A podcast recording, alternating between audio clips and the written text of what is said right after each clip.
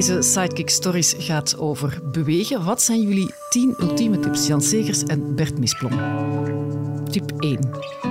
De eerste tip is alle kinderen en jongeren moeten dagelijks 60 minuten aan matige intensiteit bewegen. Tip 2. Naast bewegen is ook belangrijk dat we regelmatig het zitten gaan doorbreken door elk half uur een keer recht te staan. Tip 3. Om op lange termijn het beweeggedrag vol te houden is intrinsieke motivatie, plezierbeleving heel belangrijk. Tip 4.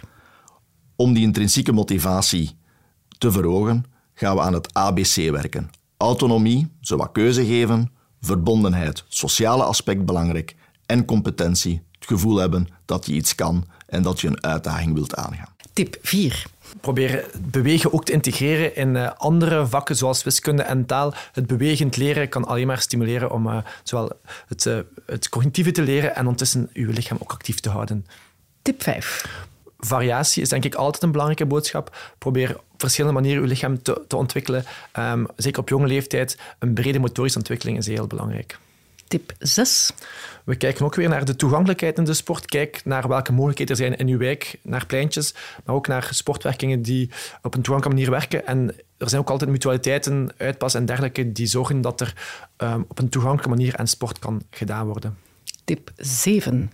De infrastructuur. Um, het openstellen van infrastructuur van scholen die breder gebruiken. Um, ook sportclubs die een infrastructuur buiten de trainingsuren uh, openstellen voor het publiek om zo eigenlijk meer beweegruimte te creëren. Tip 8. Ik denk dat het belangrijk is om ook actieve verplaatsingen te gaan stimuleren. En nu wordt vaak de bus genomen.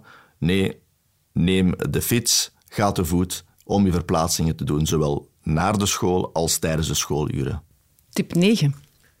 Denk out of the box. Probeer beweging um, in uw dag ook in te plannen van wat kan ik doen als beweging. Het moet niet altijd bij een sportclub zijn. Je kan ook zelf voor je scherm, als je uh, even aan het rusten bent, kort toch te bewegen.